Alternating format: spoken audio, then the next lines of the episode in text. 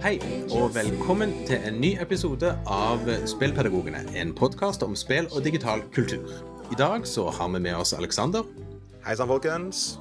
Halvor Hei, hei. og meg, Odin. Dagens podkast har sitt utgangspunkt i at Aleksander lirte av seg et blogginnlegg på spillpedagogene.no om hvordan dataspill kan bli mer tilgjengelig for skolene. Og så ramla det ut av meg at jeg kanskje ikke var helt enig i alt det Aleksander skrev. Og uansett, dette er en viktig problemstilling Aleksander har skrevet om. Eh, Fordi det er mulig å være akademisk spillforsker og spillpedagog uten å få gjort noe, egentlig. Fordi elevene og lærerne trenger tilgang til spillene i undervisningen for å kunne bruke dem i undervisningen. Det høres kanskje banalt ut, men det er viktigere å være i stand til å bruke spill i undervisningen enn å ha forskningsbasert og velfundert didaktikk og didaktiske vanvittig bra opplegg. Uten det første så kan du aldri gå i gang med det andre. Det er akkurat som om det digitale i skolen. Digital didaktikk betyr ingenting om elevene ikke har en dings å være digital med. Så det å tilgjengeliggjøre spill og noe å spille de på, er faktisk noe av det viktigste vi kan gjøre. Så sant vi faktisk mener at det å bruke dataspill i undervisning er et poeng. Ildsjeler kan ta oss et lite stykke på veien, men det blir ingen allmenn bruk av det. Da må de enkle og praktiske løsningene på plass. Og Det er det utgangspunktet som vi har tenkt å drøfte i episoden i dag. Men først så tar vi noe smågodt, for det har nå skjedd litt siden sist. Og hva du, Aleksander, du holder på med noe spennende i klassen din for tida? Eller i klasser for tida? Ja, eller sånn, jeg har i alle fall gjort noe spennende med klassen min i dag. Og det som er like så spennende som at jeg har gjort noe spennende med klassen min i dag, er jo at uh, tre av mine kolleger også har gjort noe spennende med klassene sine i dag. Uh, vi har nemlig spilt Her Story. Nå nærmer det seg jo tross alt uh, påske, og påske er tiden for krim, så da har vi eh, eh, spilt Ja, vi kan Krimspillnovellen, kalte jeg det når jeg introduserte dette her til elevene mine i dag. Uh, Her Story det er jo da et uh, spill hvor du har kontroll over en uh, database, eller du skal navigere deg gjennom en database med masse sånne her små klipp fra et avhør med en kvinne som uh, kanskje har hun, kanskje har hun ikke, ikke myrda sin ektemann. Og så er det en del annen ja, drama og krim som eh, dukker opp, i, eh, dukker opp i løpet av dette her.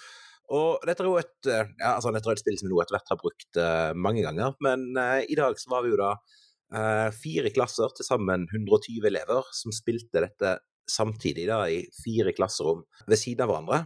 Og tanken bak at vi organiserte oss på den måten at vi skulle gjøre dette samtidig, det var at jeg, som den høykompetente spillfyren som er, skulle ha anledning til å yte teknisk bistand underveis, der som det skulle bli nødvendig. Og det som var så kult, det var at det var ikke noe behov for meg i det hele tatt. Nå skal jeg, altså, nå vil jeg bare skryte litt av disse her eh, kollegaene mine, Agnes og, eh, Agnes og Maria og Åsne, som eh, eh, Ingen av disse her tre er ja, sånn spill er kanskje ikke det kulturuttrykket som ligger nærest til deres hjerte, men uh, som uh, virkelig har tatt dette til seg og gitt, uh, eh, gitt klassene sine gode opplevelser i dag, da. Og så eh, kan du bare kommentere noe jeg skrev om dette på, dette på Twitter som jeg syntes var skikkelig kult. For det, når vi spiller Her Story, så spiller vi Her Story sammen, hele klassen. Da har vi spillet opp på skjerm, og så, så skal alle elevene ta del i å velge ut, altså, velge ut, eh, velge ut stikkord som de skal bruke i søken etter de eh, filmklippene eller delene av historien som vi er på jakt etter. Og når de gjør dette, her, så sitter de da uten sine egne datamaskiner. De sitter rett og slett med eh, penn og papir foran seg. Og det vi, altså, vi har jo eh, ødelagt en skog i dag med mengdene med kvalitetsnotater som, eh, som disse elevene mine har produsert. Og det, altså, eh, altså, så tenkte jeg litt på dette her med, med hva er det vi gjør når vi leser noveller til vanlig, og i alle fall når vi skal gjøre denne her nærlesingen av, nærlesingen av noveller. Jeg skjønner at jeg er altfor lite bevisst på det å legge til rette for at Ja, sånn at legge til rette for at elevene skal Ja, at elevene skal være bevisst på verdien av gode notater underveis. Så nå, når vi nå skal jobbe med sånne her vanlige, kjedelige skolenoveller igjen Eh, etter, eh, etter, påskeferien, som selvfølgelig ikke er kjedelig i det hele tatt. Eh, så håper jeg å ta med meg litt av denne her Ja, den opplevelsen jeg hadde i dag med omfattende håndskrevne notater til en spillnovelle, at de også skal gjøre det når, når de skal lese vanlig litteratur igjen også, da. Så det er det kule som skjer på min front i dag, i alle fall. Oh, men, og stilig. Dette, dette er sånn jeg liker å høre, og, og spesielt med det vi skal tanke, snakke om litt uh, seinere i dag, uh, som jo rett og slett handler om uh, at du valgte det som helklassespilling. Mm. Uh, at du egentlig, for å komme i gang med dette, ikke trenger at hver elev har hver sin maskin, men det holder holde med én maskin i klasserommet, og det går det an å oppdrive. Ja, og én ting som jeg bare vil kommentere med akkurat dette spillet her og helklassespilling, dette er et spill som er best i helklassespilling. Altså, helklassespilling, det er ikke en reserveløsning. Det er uh, Altså, det er rett og slett det som uh, Med den erfaringen jeg har gjort så langt, i alle fall, det er den beste måten å bruke spillet på i klasserommet. Mm, mm. Stilig. Og så du, Halvor. Du eh, er òg aktiv på spillfronten i klasserommet. Ja, definitivt. Jeg vil bare si at det, det er kanskje min favoritting med Her Story. Når elevene begynner å notere frenetisk. Og du kan si til dem at vet, nå driver dere, nå leser dere aktivt her, altså. Kan du si til dem. Og så, og så blir det en sånn greie. Det er så, det er så utrolig kult. En sånn fantastisk ting med det spillet der. Yes. Um, for min del så har jeg uh, opptatt med to egentlig sånn parallelle opplegg nå. Uh, det ene er at vi bruker spiller Embracelet eh, på VG1 eh, studiespesialiserende i norsk akkurat nå. Der har vi fått inn noen lisenser fra, fra Machineboy og fått installert ulike spill på ulike datamaskiner. og Elevene spiller litt i gruppe. da. Dette er et spill som er et sånn type novellespill som eh, handler om 17 eh, år gamle Jesper som får et eh, magisk armbånd av sin bestefar, som leder han opp til ei øy oppe i Nord-Norge, en øy som heter Slepp, der han må nøste opp litt i familien sin historie. Han må treffe han treffer litt mennesker der som, som former han da som, som, ungdom. og Det handler på en vis både om det, og det handler òg om for, så vidt distriktspolitikk, egentlig, hele dette spillet. Det er et veldig veldig fint spill. og og vi spiller det, vi spiller det samme i novelle, da. Og, og elevene mm.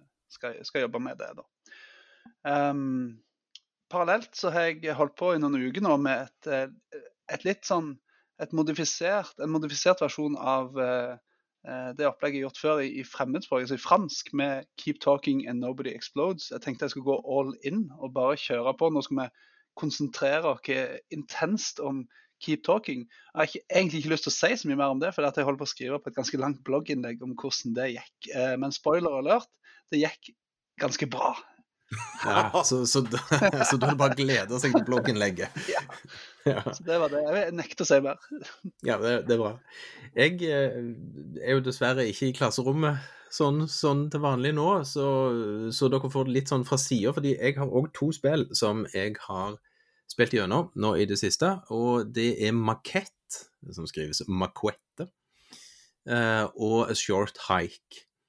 Uh, som begge er vel verdt å spille. Uh, Short Hike ramla vel nettopp ut på Spillpedagogbanken som et lite undervisningsopplegg i forhold til kreativ skriving, eller som skrivestøtte. Uh, og, litt, og en liten analyse om hvorfor er det spillet så utrolig koselig å spille. men det jeg har lyst til å kommentere her, til de som ehm, vil gå litt inn i det. Jeg skal ikke si så mye om spillene, det får dere heller bare google og se. Det er rett og slett at dette er to spill som har en utrolig bra bruk av musikk, men på to veldig forskjellige måter. I Makett så er sangene som er i spillet, og tekstene til disse, en integrert del av fortellingen i spillet. Så selv om dette er da bakgrunnsmusikk til tider og litt sånn, så er det vel verdt å lytte til teksten. For teksten har viktige elementer som er med å forsterke fortellingen. Og bare åpningen på Makett, som jeg har frista kollegene mine i Spillepedagogene med å si at åpningen tok meg flatt. Jeg har aldri vært borti en sånn åpning i forhold til hvordan det lærer deg å spille spillet, inkludert hva musikk de klarte å legge på. Og så skal det få lov til å henge der, det òg. Eh, mens i uh, A Short Hike, der er musikken sentral i å lage spillet til det hyggeligste, koseligste og beste feel good-spillet jeg noen gang har spilt. Du blir rett og slett i godt humør av det spillet. Og musikken er en sentral del av dette. Hvis dere har lyst på litt sånne gode spillmusikkopplevelser, så er det to spill som er vel verdt å, å ha blitt kjent med. Og det er vel for så vidt det, jeg har holdt på med siden sist.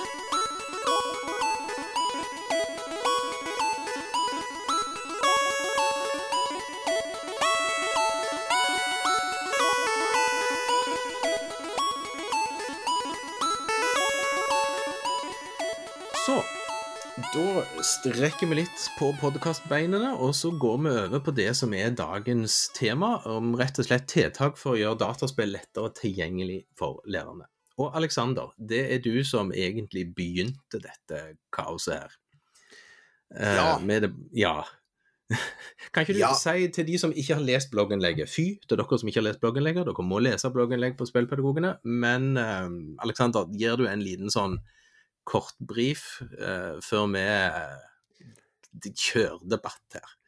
Ja. Uh, altså, kan jo si ting om min uh, ja, uh, altså, en, eh, emosjonelle tilstand i, eh, i skrivende stunder. Det direkte foranledningen til at jeg skrev dette innlegget, er at jeg eh, eh, jeg eh, har eh, jeg har en kollega som eh, har eh, planer nå om å bruke et, eh, bruke et spill som heter Oh, nå har jeg glemt hva det heter. Eh, The Darkest of Times heter det. Som er et, uh, som er et spill som handler om uh, motstandskamp i Berlin under andre verdenskrig.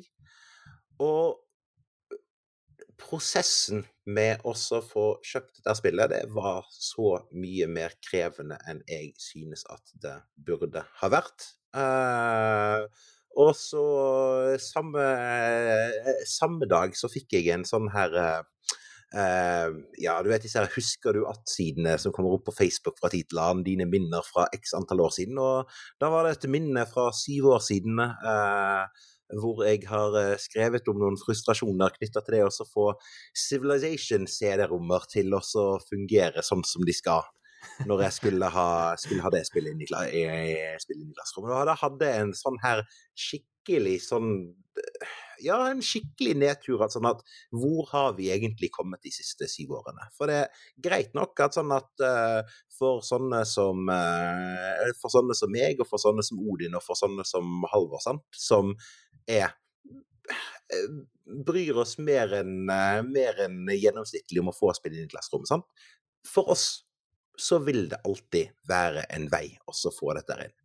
Men eh, altså, det er jo ikke nok at uh, sånne nerds som meg og, meg og Odin og Halvor skal få dette inn i klasserommet. Sånn at, uh, at uh, spill, det bør kunne gjøres tilgjengelig for den gjengse lærer. Og derfor så skrev jeg en litt sånn clickbaity artikkel med tittelen 'Fem tiltak for å gjøre spill lettere tilgjengelig for klasserommet'. Jeg unngikk å skrive 'The last one will shock you', men eh, det er implisitt.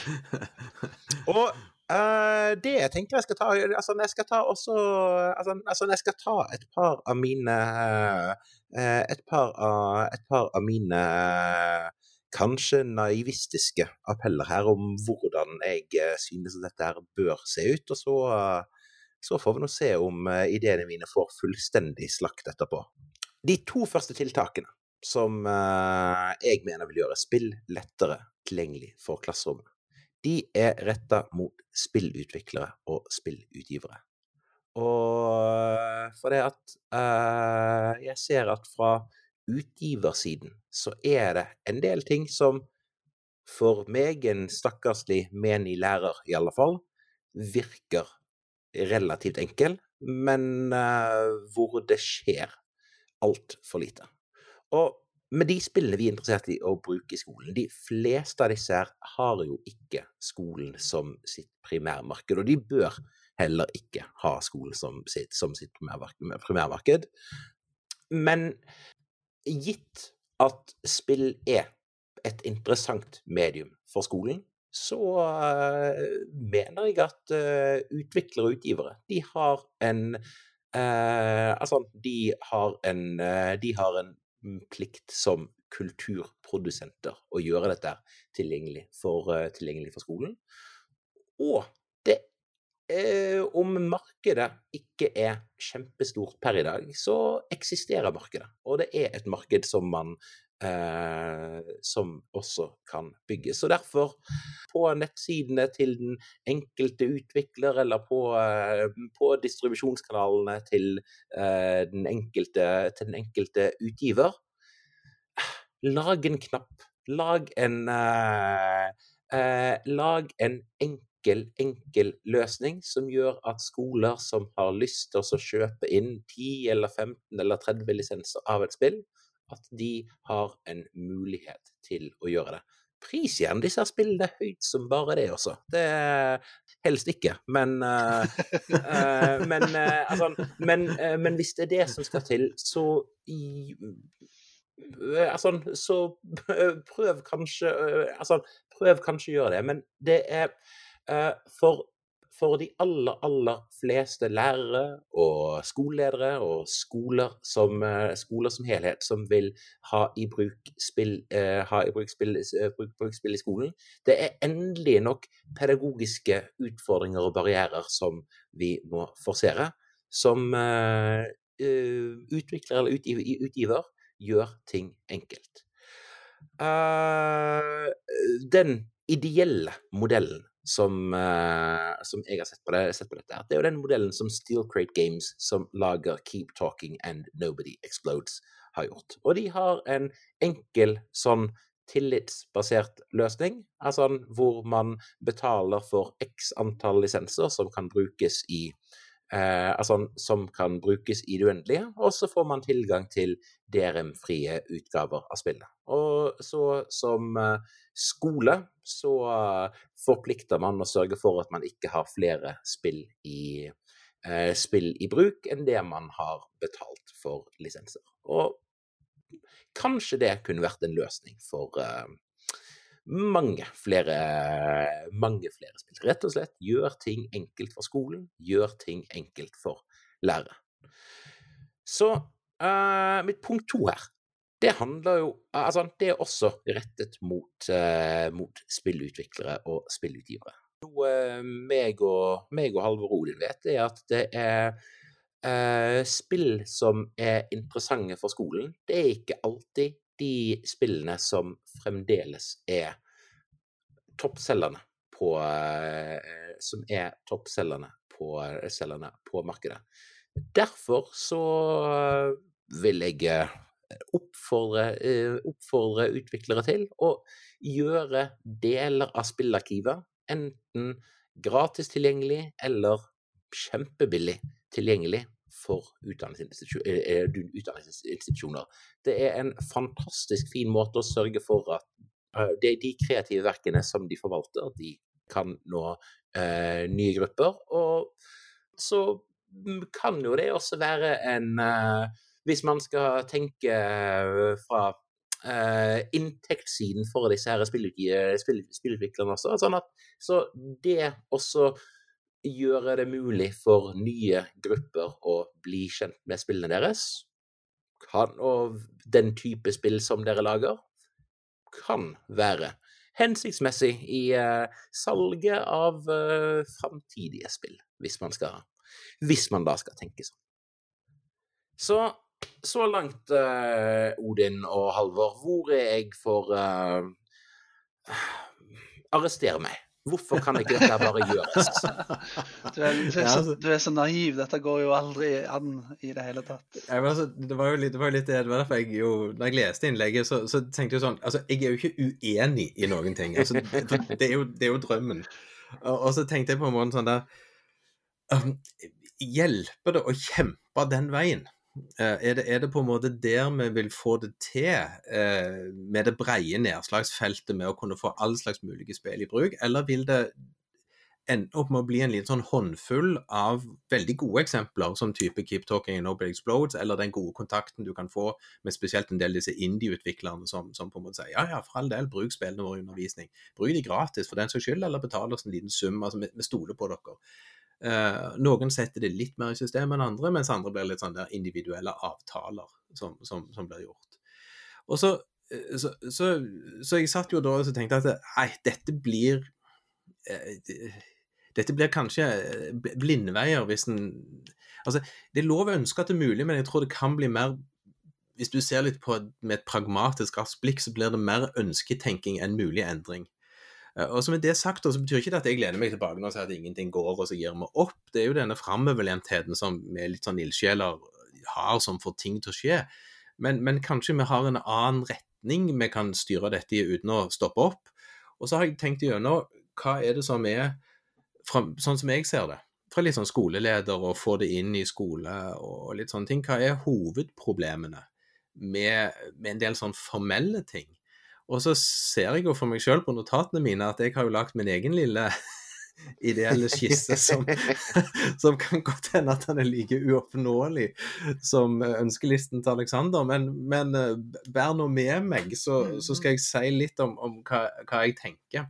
Fordi jeg tror at det er to hovedutfordringer, og spesielt én, som som er grunnen til veldig mye av det som lager vansker litt lenger ut i systemet for oss òg. Og det er bruksavtalene, eller vil, bruksvilkårene, terms of use, lisens. Altså, kall det hva du vil.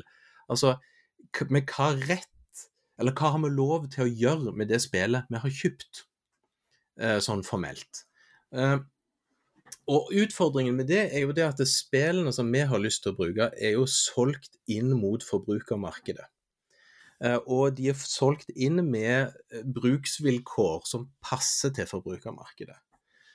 Um, og det vil jo da gjenspeiles i eh, portaler for dataspill og altså sånne ting. Og det betyr at de har avtaler knytta til individet og ikke til organisasjonen. Mm. Uh, og Det er den samme utfordringen som vi får, bare for å trekke det over til et, et kjent felt uh, som er mye mer vanlig, med bruken av f.eks. Spotify og Netflix i skole. For brukervilkårene for disse tjenestene er jo innretta mot individer, som gjør at du bryter disse bruksvilkårene hvis du bruker tjenesten som lærer i klasserommet. For da bruker du din konto, og, og det står i bruksvilkårene til Spotify og Netflix at det har du ikke lov til. For trikset er at det, dette er jo ikke ulovlig i forhold til norsk lov om opphavsrett. Fordi at du har lov til å framvise åndsverk i klasserommet så sant det foregår i en undervisningssituasjon. Så hvis du åpner opp Netflix og viser elevene en film i en undervisningssituasjon fra, fra Netflix, så bryter du ikke norsk lov, men du bryter vilkårene til Netflix. Så Netflix, hvis de hadde brydd seg, kunne sperret kontoen din og sagt at dette har du ikke lov til. Og så kan du si da, ja, men kan ikke skolen ha Netflix-konto? Og så nei, Netflix har ikke kontoer til organisasjoner, de har bare kontoer til individer, altså privatpersoner. Og, og litt av det samme er jo da det som skjer når vi kjøper spill, nesten uansett hva måte vi velger å gjøre dette på. Og, og som du nevnte, Halvor, så hadde dere et samarbeid med Maskinboy i forhold til det å kunne kjøpe lisenser til en bracelet. Og han tilbyr dere vel da i utgangspunktet Steam-kontoer. Ja. Eh, og utfordringen med de er at de må knyttes til en privat Steam-konto. Eh, og Det betyr at den som har fått denne nøkkelen, har lov til å bruke den sjøl, men det er ingen andre enn den som har lov til å bruke den. Og så går det jo an å tenke at ja, men hvis vi hadde kjøpt den fra Good Old Games, der du kan kjøpe DRM-frie utgaver som du da kan si at vi har kjøpt en lisens, og så installerer man på maskinen, og så har vi lisensen framover. Ja, men Good Old Games de selger òg bare lisenser til privatpersoner, og der står det òg spesifikt at det er bare du som har kjøpt den, som har lov til å spille spillet. Så det betyr jo i utgangspunktet at hvis du har kjøpt en masse spill fra Good Old Games og bruker det på en hel klasse, så bryter du Good Old Games sine lisenser, selv om Machineboy, som har lagd spillet, syns at det er greit. Mm. Og, og, og det er jo der du sitter i på en måte litt sånn en sånn saks, og nesten uansett hva du gjør, så bryter du vilkårene for bruk av spillet. Uh, når du bruker det i undervisning. Fordi vi har, ingen, vi har ikke noe rammeverk for den typen bruk. Og nå skal jeg koble det, for nå kommer jo min ønskedrøm. Fordi det finnes jo et unntak i, eh, i eh, åndsverksloven i forhold til undervisning når det gjelder framføring av åndsverk, type musikk, film, bildende kunst. Altså, du har lov å vise ting i et klasserom. Og du har lov til å vise film, du har lov til å spille musikk. Eh, men jeg kunne ønske meg at det omtrent kom et tillegg. At du, du har lov til å spille spill. Du har lov til å si at elevene Du kan få kjøpe inn en lisens, kjøpe inn et spill, og det spillet har alle elevene i din klasse lov til å spille. Det kan, altså at det å få lov til å spille et spill som skolen har kjøpt, regnes som å være med i en framføring av et åndsverk. Ja, nettopp. nettopp. Eh, sjø- selv om, og, for, og da kan du komme inn i masse sånn problemstillinger med mangfoldiggjøring, at du har én kopi, og så mangfoldiggjør du dette med at det installeres på hver elev sin maskin. Men, men det er som regel ikke problemet, for har du en DRM-fri utgave av et spill, så har du lov til det. Du har bare ikke lov til å la andre enn deg sjøl spille det. Sånn at eh, hvis en kunne fått et unntak for den delen der i norsk lov, som kunne sagt at ja, men du har i norske klasserom så har du lov til å la elevene spille dette spillet. For det bryter ingen krypteringsretter, det bryter ingenting sånn altså det sånn tekniske ting som òg finnes i åndsverkloven i forhold til å bryte en kryptering og sånne ting. Eh, Så jeg kunne ønsket meg at, at denne endringen kom inn der, som tillot at vi i undervisningssammenheng har lov til å gjøre sånne ting i klasserommet.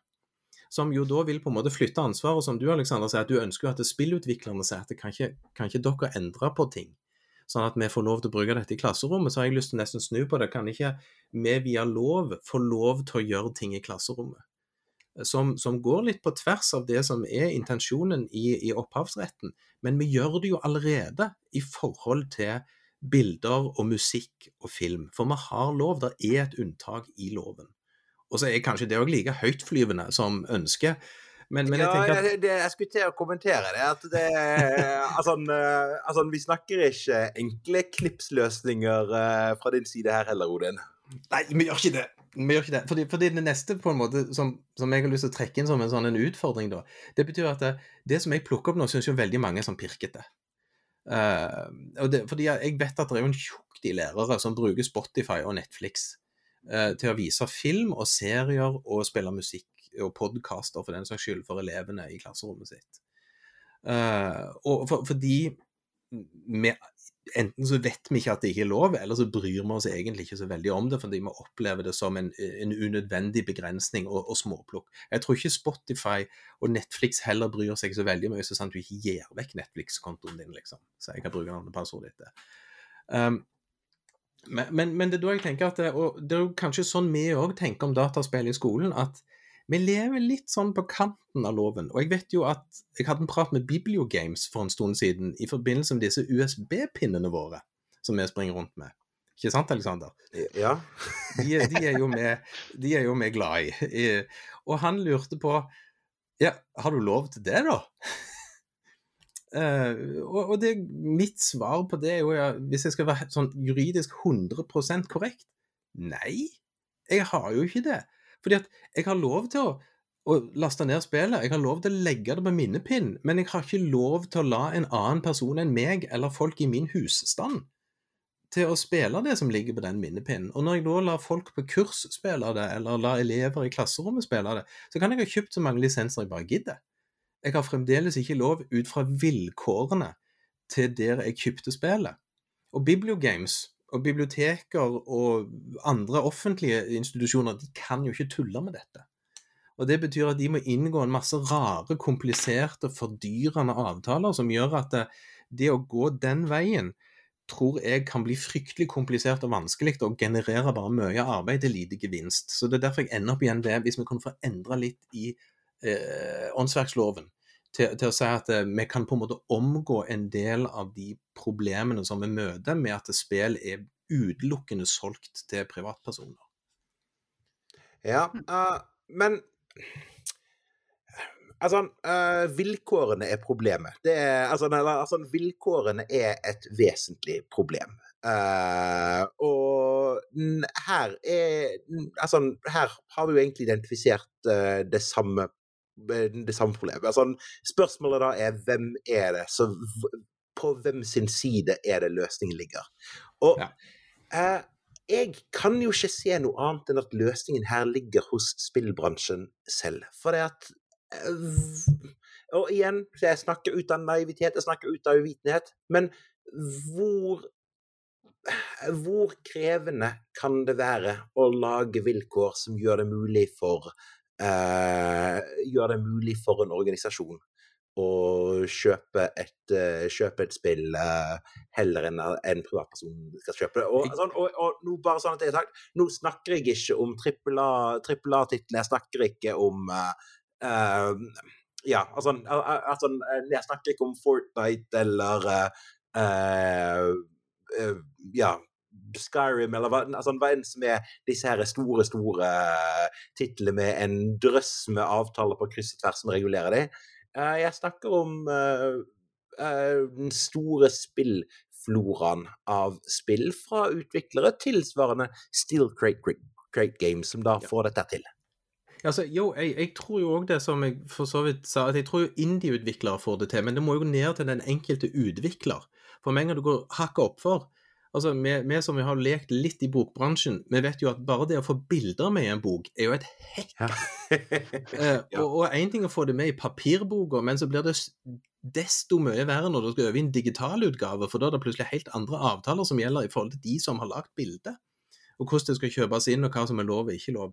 Og det er sånn at det, Hvis vi snakker direkte med utviklerne, så kan de finne på ting. Men da er det på en måte at alle du snakker med, må finne opp kruttet på nytt. Eh, og med en gang du begynner å snakke med Steam, så er det jo plutselig at de, når, de, når Steam eller Good Old Games, eller for den saks skyld Itch.io, skal selge et spill på noens vegne, så må jo de inngå en avtale med de som de selger spillet for. Eh, og, og da må de inngå en kontrakt om hvordan de gjør dette. Og igjen er det som Spotify og Netflix. De har jo inngått en kontrakt med de som de eh, streamer musikk og film for, som gjør at de er nødt til å skrive i sine vilkår at du har bare lov til å spille dette for deg selv og familien din. Du har ikke lov til å spille det for noen andre, for det er den avtalen vi har inngått med de som eier musikken. Så, så ja, vi kan få det til med indie-utviklerne, men da, da ender vi opp på det som jeg ser som er problem nummer to. Som jeg skal bare slenge på i samme slenge, for det henger litt innenfor, som er distribusjonen ut til elevene. Kan vi vente litt? Jeg må bare Ja. skyte inn en ting her. For jeg tror vi må sortere litt på nivået her. For det, jeg er ikke enig i at vilkårene er problemet. Eller vilkårene er problemet på skoleeiernivå. Eller på systemnivå, så er vilkårene problemet. For der må man forholde seg til de tingene som eh, dere nå har beskrevet i, i det lovmessige i ting. Men Spotify må gjerne stenge min konto, fordi at jeg bruker Spotify hele veien i klasserommet.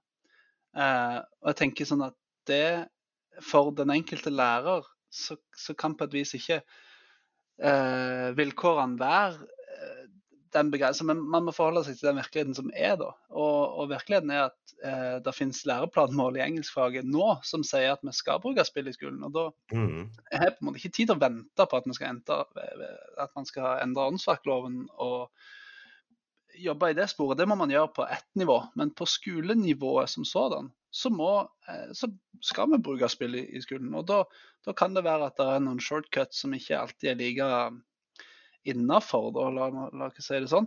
Eh, men vi må på en måte prøve å navigere i den virkeligheten som vi har da. Eh, Jo, det, men det kan vi komme litt etter hvert, absolutt. Men, men, jo men, men det er da jeg tenker at eh, den jeg, jeg er både enig og uenig med deg. Mm. For, for det, Hadde du vært i Bergen kommune og vært jobb der, og noen hadde hørt på podkasten din, så hadde noen kommet kjølhalt deg etterpå. Det får de gjerne. Ja. men, men eh, jeg vet ikke hva harde Egersund er på sånne ting. Eller fylkeskommune. Nei, men eh, poenget mitt er mer eh, Jeg er ikke uenig med deg at det, foregår en del shortcuts for å få undervisningen til å gå i hop og litt sånne ting. Men så lenge vi gjør de shortcutene, så kan vi ikke sette de i et system som gjør at det gjelder alle lærere. Nei, det Mm. er sant. Og, og, og, det, og det er jo den jeg tenker på som er vår utfordring. For jeg òg har lyst til å ha et system der jeg kan på en måte si til en lærer gjør se her. Her er alt klappa og klart, her er alt i orden for deg. Uh, og, og da må denne plagsomme delen med vilkår være i en eller annen ordna form, og iallfall i det minste i en gråsone. altså, om, om man ikke er helt sånn er tydelig på ene sida, så må man iallfall kunne leve i en gråsone, ikke være tydelig ulovlig. Eller, eller eh, ikke tydelig brudd på noe. Det finnes jo ett spor her som, er, som, som svarer på alle de utfordringene som vi snakker om her, og det er jo gratis nettleserspill. Ikke sant? De vil jo Ja. ikke det faller inn under problemer knytta til vilkår. De spilles gratis, de spiller på nett, man må ikke installere noe som helst. Og de finnes der jo per i dag noen av. Vi, Alexander og jeg har skrevet noen opplegg til det på en del av. Um, og, og de vil jo på en måte Per i dag så er jo det egentlig den løsningen som fungerer best, da, hvis man skal tenke rent sånn hvis vi skal, lovmessigheten skal være riktig, hvis det praktiske skal være riktig, og distribusjonen skal funke på en god måte, så er jo det egentlig den ideelle løsningen per i dag. Men så er jo ikke det en, noe å trakte etter på sikt, tenker jeg. Vi må jo ha bedre løsninger for å få ting inn i klasserommet på en annen måte òg. Nei, altså, eh, altså som du sier, Halvard, det finnes masse gode, eh, gode nettleserspill. Men eh, nettleserspill, det er jo allikevel eh, som om vi skulle sagt Nei, vi kan ikke lese noe Shakespeare, men vi kan lese noe sånn Shakespeare fanfiction som vi fant på nettet. Enten mener man at uh, spill er et kulturprodukt som det er en del av skolens ansvar å skulle formidle noe om. Det er, altså, den biten tror jeg nå iallfall at vi som sitter her, er, er, her er ganske enig i. Eh, ellers så mener man det ikke. Men, og nå, nå, nå sier jo læreplanen, annet læreplanen i engelsk, sier jo, sier jo at spill er et kulturprodukt som skolen skal, eh, skolen skal formidle da er det ikke godt nok med fanfiction. Da må vi ha løsninger for at uh, spill av høy kulturell, estetisk kvalitet uh, faktisk kan komme inn i klasserommene.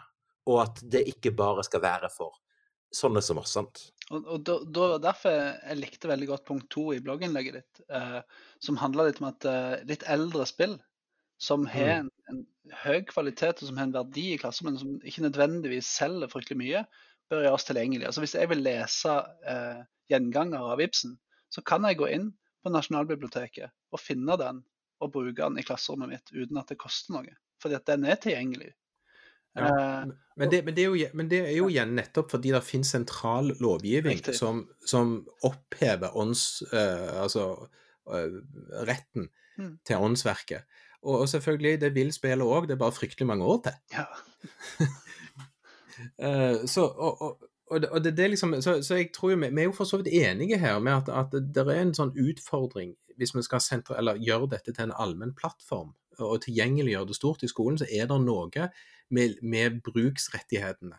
Og Det finnes jo to løsninger. Det er egentlig det at Vi kan få endra noe med loven, som gjør at vi i skole får et unntak. Eh, eller så ender vi opp med det som jo du Alexander, sier, vi må egentlig spørre hver utgiver om de kan finne en løsning som, som passer for oss i skolen, og noen gjør det. Og det, er et par best practice-eksempler på ute og går i, i markedet der. Men det er da jeg skal touche det, den andre delen som henger sammen med det, som er den distribusjonen ut til elevene. Eh, og, og der ser jeg òg for så vidt at noe av det du skriver i blogginnlegget, som, som du, vi kan touche etterpå, det handler jo om at selvfølgelig dere har utgangspunkt, eller iallfall du Alexander, har utgangspunkt i videregående skole. Absolutt. Der, der hver elev har hver sin eh, datamaskin, og som gjør f.eks. USB-pinneløsningen eh, til en sånn rimelig grei måte å distribuere spill på uten å måtte gi de spillet. Eh, sånn at du kan samle det inn igjen og litt sånne ting. Og så er det da, hvis du flytter dette ned til grunnskolen, så får vi en mye større problematikk, for der er det få altså, Elever har få en, eller har en type enhet som det ikke nødvendigvis er enkelt å spille annet enn nettleserspill på.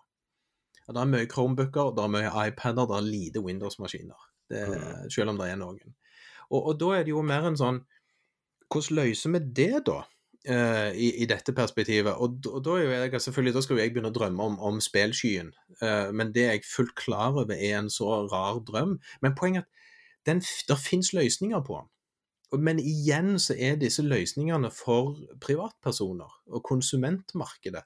Så, og det er ingen som på en måte har satt seg sammen og lagd på en måte en skytjeneste som enkelt kan tas i bruk i skole, og der du kunne distribuert spill via den skytjenesten, f.eks. Uh, så vet jeg at det er et fylke oppe i Mod Nord som faktisk har tenkt på dette i forhold til videregående skole, og har satt seg sjøl litt fore å lage en spillskytjeneste for elevene i videregående skole. Fordi de eh, har tilgjengelig mannskap til å kunne lage et rimelig enkelt programmeringsgrensesnitt til dette. Og de har vel snust på et par eksisterende løsninger som de håper de kan bruke til å strømme uh, dette til elevmaskinene. Og så håper de på å inngå avtaler med hva slags spill de kan få ha på denne løsningen. her. Så, så, så det går jo an å gjøre dette, men det krever et veldig sånn dypt initiativ fra noen med, med en del ressurser.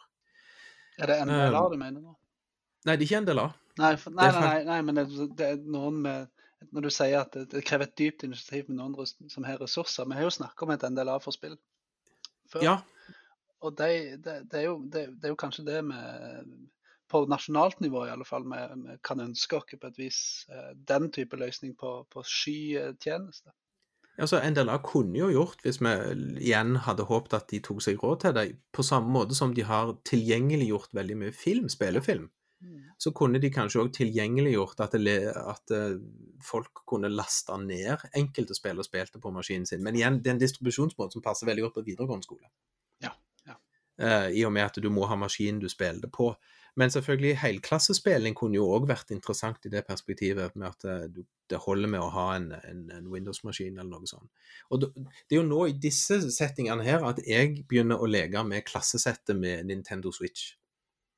Eh, som, som, en, som en praktisk løsning som er gråsonen. Altså hvis jeg hadde kjøpt inn ti Nintendo Switch eh, og kalt det et klassesett om å være to eller tre elever på hver Switch, Eh, og så kjøpes det inn til 1000 kroner med spill til hver Switch som blir installert på, på sin bruker, så er det teknisk sett rimelig lov, ifølge grensesnittet til, til, til Nintendo. Men det er utrolig tungvint, Mm. fordi du må ha ti kontoer som du da holder orden på å installere. Så der mister du på en måte igjen dette ideen om at det ikke er lagd for en organisasjon, det er lagd for privatbrukere. Mm. Men, men det er på en måte løsninger som, som går an å, å lage innenfor sånne ting, og det koster ikke så fryktelig mye heller. Koster vel, Jeg satt og regnet på det, koster vel, altså Switchen koster 3000, spillet koster 1000, 4000 kroner per enhet, du trenger 10 stykk, 40 000 kroner, du har et klassesett med spillmaskiner. Som kan brukes til helklassespilling i ti klasserom, eller som du kan ha og la hele klassen spille i ett klasserom. Og så kan du flytte rundt på dette. Så, så sånne løsninger finnes òg, og som det er på en måte det jeg trikser med, som ikke er videregående skole, og ikke har denne fabelaktige armadaen av uh, spillmaskiner sånn rimelig tilgjengelig i, i klasserommet. Og, og, og ja, jeg vet ikke, det jeg, kan ta, jeg har en kommentar til om, om dette med gode eller dårlige løsninger som skjer når en prøver å lage sentraliserte løsninger på dette, men, men det ligger vel litt seinere i punkt tre og fire hos deg? Ja, jeg, jeg, altså, jeg lurer på om jeg bare skal gå rett og så skyte den neste kanonen.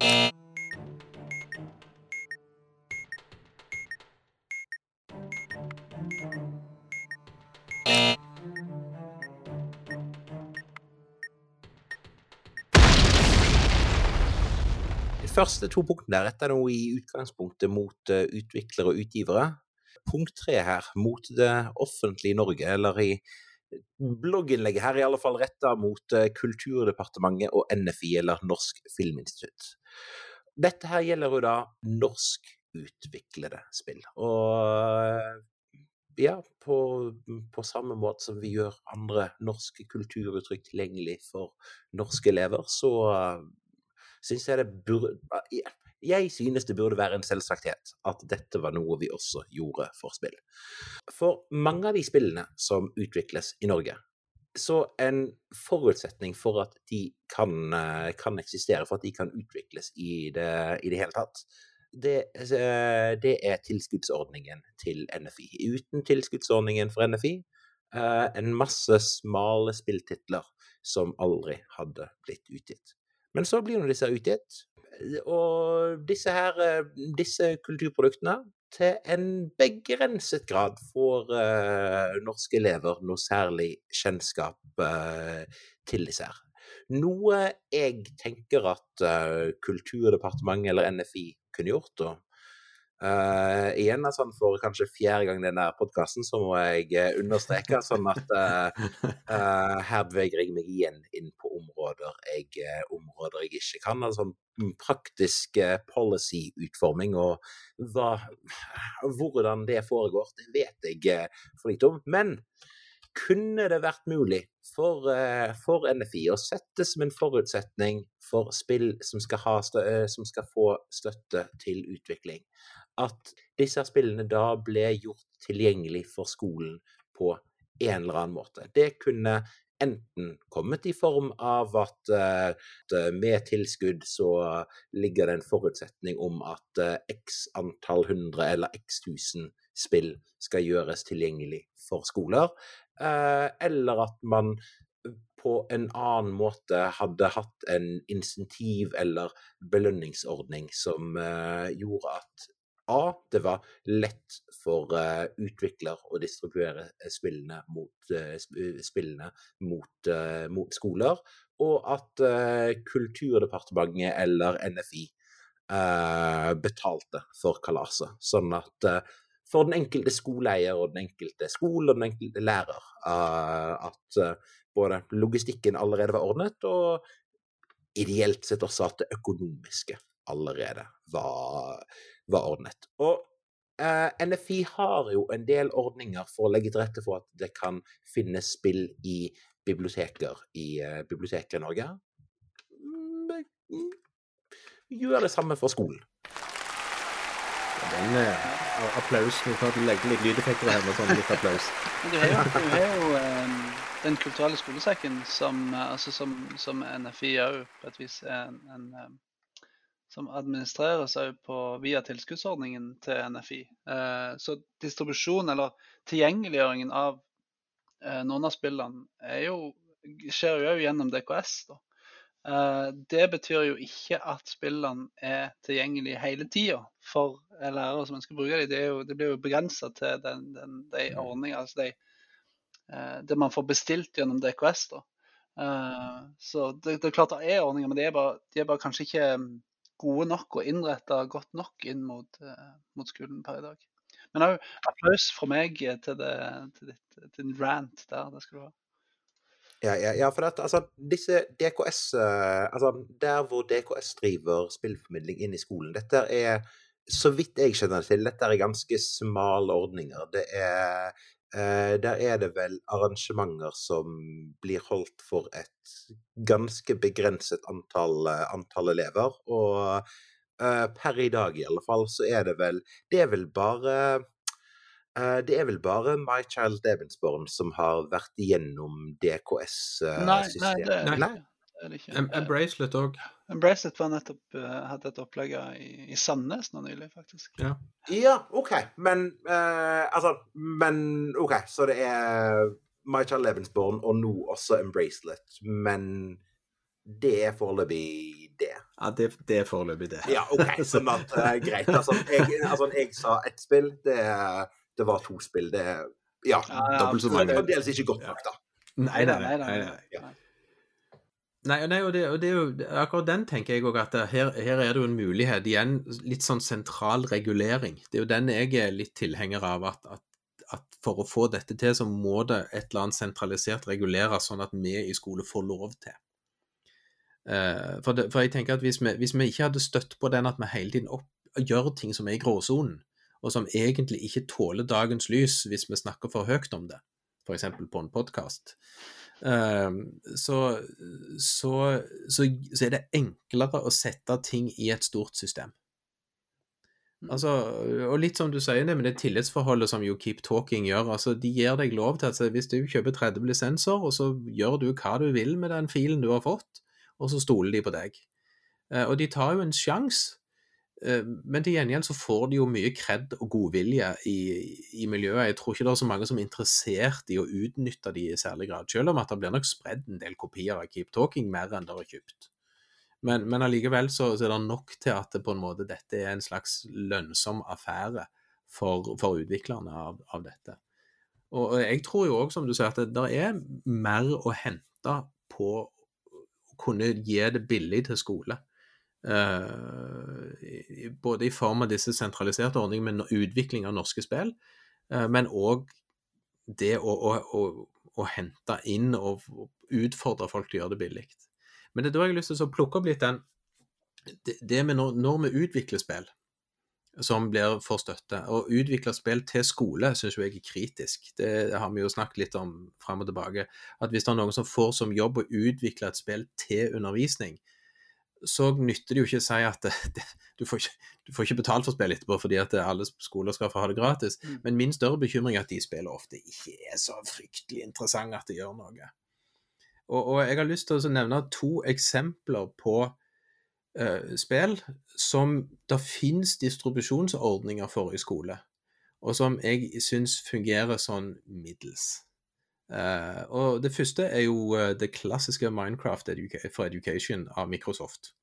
Som jeg regner med Microsoft kjøpte opp for x antall milliarder, fordi de tenkte at dette var noe som de kunne selge inn i skole, og det gjør de.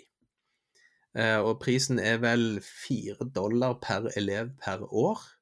Men de skal ha litt klapp for skulderen for én, eller de skal ha litt uh, spark i leggen for én ting, og det er at du er nødt til å ha en Microsoft 365-konto for å kunne spille spillet. Som selvfølgelig er en slags markedsføring for Microsoft.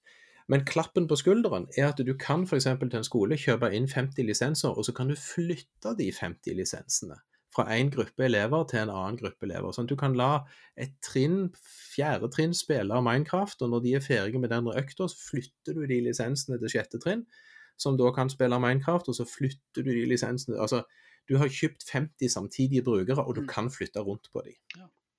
Uh, og, og, og, det gjør jo at du får utnytta disse lisensene, disse fire dollar per 50 elever. Eller fire dollar for, for samtidige elever på, på en, en helt kurant måte. Og så kan vi være, eh, synes det er en god eller dårlig idé med at du må ha en Microsoft 365 for Education-konto. Um, Den andre løst eh, varianten nå er jo faktisk My Child Lebensborn, som har jo kommet med en education-utgave nå nylig. Eh, og jeg har kjøpt inn noen lisenser til det til Randaberg. Og da oppdaget jeg jo for så vidt at eh, der gjør de ikke det som Microsoft gjør. Du, du kjøper lisensen helt uavhengig av konto. Du får bare en, en kode som den som har lasta ned appen gratis, kan legge inn, og så kan de spille det. Men den blir da låst til den enheten hvor det blir installert. Eh, Og når da elevene har hver sin Chromebook i vårt tilfelle, og niende trinn skal gå i gang med å spille My Child Lebensborn, så bruker du opp de 100 lisensene du har kjøpt, på at de 90 elevene skal installere på en skole. Skal, 9. trinn skal installere My Child Lebensborn. Og etter det så er det ingen andre enn de elevene som kan bruke My Child Lebensborn. Eh, Og da har jeg betalt 7000 kroner for det. Med mindre du da har et designert datarom-type. Ja, som, ing, som ingen har lenger. Nei, men, nei, men ikke sant. Det, det, og det tenker jeg er litt uh, illustrerende for den problematikken vi sitter og diskuterer her. For at løsningene er jo, er jo i stor grad lagt for ordninger som kanskje ikke kommer til å være en del av framtida. Datarommet er kanskje ikke det som blir dominerende på skolene rundt forbi i framtida. Jo jo, men jeg skal bare stoppe der, fordi at litt av utfordringen til My Child Lebensborn er at den finnes bare til Android. Ja. Altså, så, det, så det er jo ikke et, P, det er Nei, et PC-program, som, som jo da i utgangspunktet betyr at de, hele ideen med en Chromebook er at det er eleven sin. Ja. Eh, så, sånn at den løsningen de vil ha ut, den begrenser meg som skole, og, betaler, og det begrenser hvor mange ganger det niende trinnet i løpet av et år kan spille Child Lebensborn og synes det er interessant. Uh, og det betyr på en måte at jeg har betalt 7000 kroner for ett undervisningsopplegg Mm. som foregår én gang. Og skal, jeg kjøpe det inn til alle tre skolene i Randaberg, så må jeg jo ut med uh, hva det fant ut, en, en 14 000 i året for at ett trinn i Randaberg skal kunne spille dette én gang i året. Og da ble det plutselig litt dyrt. ja, litt Og, og at jeg savner da, hvis jeg kunne flytte denne lisensen rundt omkring, så hadde plutselig dette vært mer interessant. For det er kanskje at elever på 7. trinn kunne spilt det med ett tema, en elever på 9. trinn kunne spilt det med utgangspunkt i et annet tema, vi kunne faktisk kanskje prøvd det enda lenger ned òg, Mm. med, med litt ulikt vekting. For det følger jo 70 undervisningsopplegg med denne Edu-pakken. Og de er veldig gode, mange av de. Ja, altså. ja og, de, og de er vel, mange av de er veldig gode, så, så, Så selv om lisensen koster vel sånn røftlig 70 kroner per installasjon, som er dobbelte av hvis du installerer det, hvis du kjøper det selv privat, så får du allikevel med en god del ting eh, som undervisningspakke. Men, men det er der jeg tenker igjen, her er det et sånn dårlig eksempel på at dette, dette Ja, de har lagd en ordning, men han knirker i forhold til hva, hva jeg har bruk for. Så initiativet er bra, og så knirker det litt i leddene. Eh, om, om hvordan de får det til. Og Microsoft har valgt en annen løsning som er litt mer fleksi i forhold til lisenser, men som knirker litt i forhold til at du må binde deg opp til en Microsoft-konto som eleven må ha for å få dette til å virke. Så, så, så her er det på en måte en litt sånn Det er ennå et utviklingspotensial. Og vi som har vært lenge i dette gamet, vi drømmer jo egentlig ennå om Steam for Education, som fantes noen ukjente måneder, og som plutselig bare forsvant like fort som det kom. Det, har- det Men- har vært noe Steam for Education, altså. Ja, ja, ja. ja, ja. Steam for Education eksisterte, og det fulgte Portal 2 fulgte med gratis. Ja. Så, og da kunne du ha en, og da kunne du ha en hovedkonto, og så kunne du lage masse underkontoer som denne hovedkontoen hadde kontroll på. Og du kunne som hovedkonto kjøpe inn spill til underkontoene. Nice. Som, som, som er jo, jo drømmeoppsettet til skole. Og et eller annet sted på veien så fant vel Steam ut at dette var ikke verdt noen ting. Sånn i forhold til inntekter og, og det å holde orden på et sånt et system. Og så bare forsvant det like fort som det kom. Ja, og det fant de ut av før, eh, før det egentlig fikk tid til å sette, Ja. sette sjøbein. For det at det er Altså, det er fremdeles nå mm, Altså, vi snakker åtte år etter. Det er åtte år siden de la ned Steam for, uh, Steam for Schools. Eh, eh, altså jeg bærer fremdeles Nei, unnskyld, syv år siden. Det, jeg bærer fremdeles på en sorg her. ja. Jeg vil uh, ta en, uh, en kanon til. Skoleeiere, kommuner og fylkeskommuner. Dette er da mitt uh, punkt fire. Lage avtaler som styrker læreres muligheter til å anskaffe spill. Det er du som, du som er sjef for ting, Odin, så dette er jo retta mot, mot eh, ditt uh, sjikt av folk. Eh, du har jo snakket med disse her eh, minnepinnene nå tidligere i, eh, tidligere i sendingen. Og eh, altså, det er en grei og enkel løsning som gjør at ting eh, gjør at vi får spill ut til maskiner. Men når jeg kjøper en spill, altså sånn at jeg, eh, jeg er litt mer eh, paranoid enn det du er når, eh, når det gjelder at sånn, det har, eh, altså, Kommer det noen og biter meg i ettertid her for at jeg ikke har gjort ting riktig? Sånn at jeg prøver Uh, i alle fall når det er snakk om spill som skal spilles fra elevene sine egne PC, og det er maskiner som de eier selv, så prøver jeg å innhente tillatelser fra utviklere, eller altså en utvikler eller utgiver, utgiver før jeg setter i gang. I de aller fleste tilfeller så De fleste utgivere, når jeg eh, endelig får forklart hva er det egentlig jeg eh, Hva er det egentlig jeg holder på med, syns dette her er kult. Så han har lyst til å legge til rette for at, eh, for dette, for at, for at dette her skal, eh, dette skal kunne gå seg til. Men før, eh, altså, før jeg er kommet til den prosessen Vi snakker, eh, vi snakker e-posttrær lange som et vondt år, med fram og tilbake, og hva er det dette her skal brukes til, og hvordan skal jeg eh, sikre eller ikke sikre at eh, spill ikke blir, ikke blir kopiert videre. Legal division må inn på et eller annet punkt. Det blir kanskje eh, laget en spesifikk kontrakt som gjelder da for eh, de 15 eller 30, eller 30, eh, eller 30 utgavene av spillet som jeg vil ha, vil ha tilgang til. Og eh, etter eh, ja, snart ti år i gamet, jeg er blitt sabla god på, på disse her e-postkorrespondansene. Eh, og stort sett så løser ting, ting seg. Men igjen så er det altså spill i skolen, det skal ikke være for sånne som oss. Det skal være for den, for, den- være for den, gjengse, for den gjengse lærer. Og da må noen på et nivå over meg ta disse Altså ta seg av disse her Ta seg av disse e-postrådene, ta seg av det å gjøre disse forhandlingene. Sånn at mm, i min drømmeverden så eh, er det Utdanningsdepartementet som eh, altså, Så er det Utdanningsdirektoratet som tar seg av alt dette på vegne av, eh, på vegne av hele Norge. Men all den tid de ikke gjør det, så den enkelte skole, den enkelte fylkeskommune, eventuelt den enkelte avdeling på, en, på skoler, gjør litt grunt work og spre altså, Og når man da har gjort en prosess med å få på plass en avtale, spre informasjon om hvordan dette her er blitt gjort rundt om i organisasjonen, sånn at igjen eh, den logistiske jobben til den enkelte lærer blir eh, lettere. Jeg tror at vi må sortere litt igjen på nivået her. For vi kan godt snakke om det liksom, nasjonale nivået, at UDIR på et vis jobber med dette, eller at NFI eller andre har hold på det. Men det er jo ikke Realiteten er jo at det finnes Altså, man kjøper jo inn på skolenivå oftest. Mm. Og da tror jeg at vi ender opp med en slags et mantra som jeg tenker vi kan stille oss bak alle sammen. Alle skoler bør holde seg med en spillpedagog. Hæ? Som, Oh, er, som kan jobbe på det nivået der som du gjør, Aleksander, og som kan ta de e-posttrådene på vegne av kollegiet, da, på et vis. Altså Mm. det, og, og se de mulighetene som ligger der. for det er ikke det, man snakker jo om tidstyver i skolen, og det er jo definitivt altså hvis, hvis den enkelte lærer skal sitte med det ansvaret der, og jobbe opp mot utviklere på den måten, så er det, det er jo helt tåpelig. Det går ikke an. Så det er jo en eh, oppfordring til skoler der ute. Hold dere med en spillpedagog. Ja, for, fordi at hvis du igjen tenker, eh, tenker det enda et nivå opp, altså fra skole til skoleeier, Mm. eh, så er det selvfølgelig forskjell på størrelser på kommuner.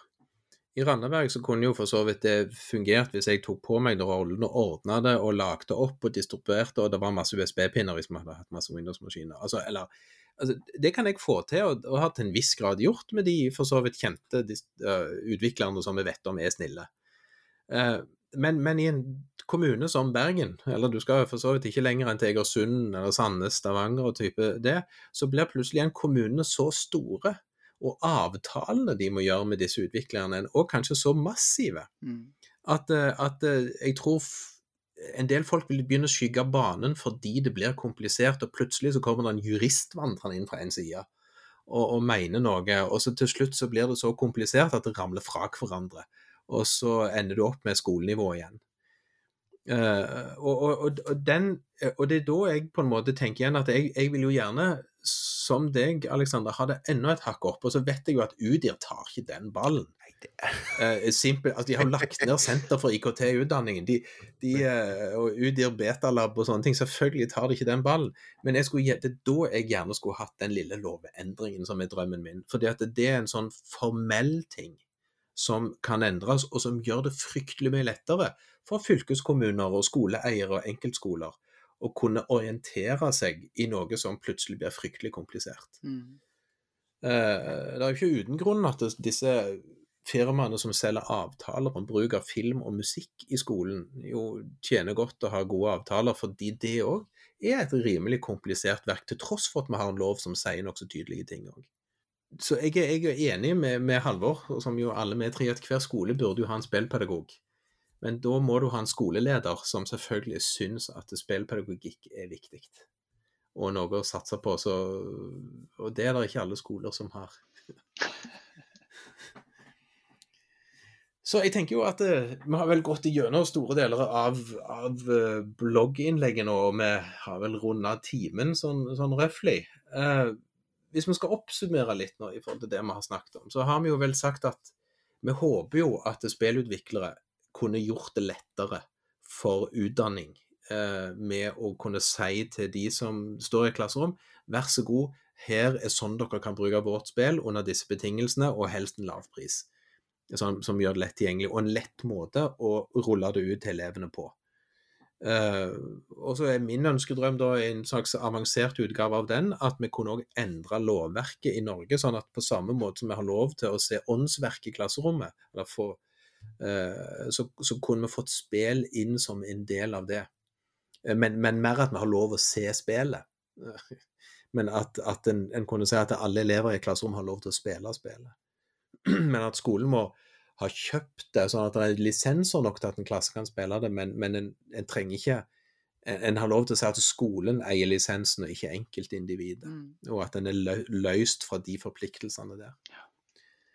Eh, og så er det vel en generell utfordring da til kulturlivet om å, eh, som du Alexander sa, hvis dere gir tilskudd til spill, gjerne ha med en liten klausul om at dette er noe som må kunne brukes i undervisning på en enkel måte, og ikke at det skal være et helt kommersiell eh, tilnærming til hvordan dette spillet skal selges.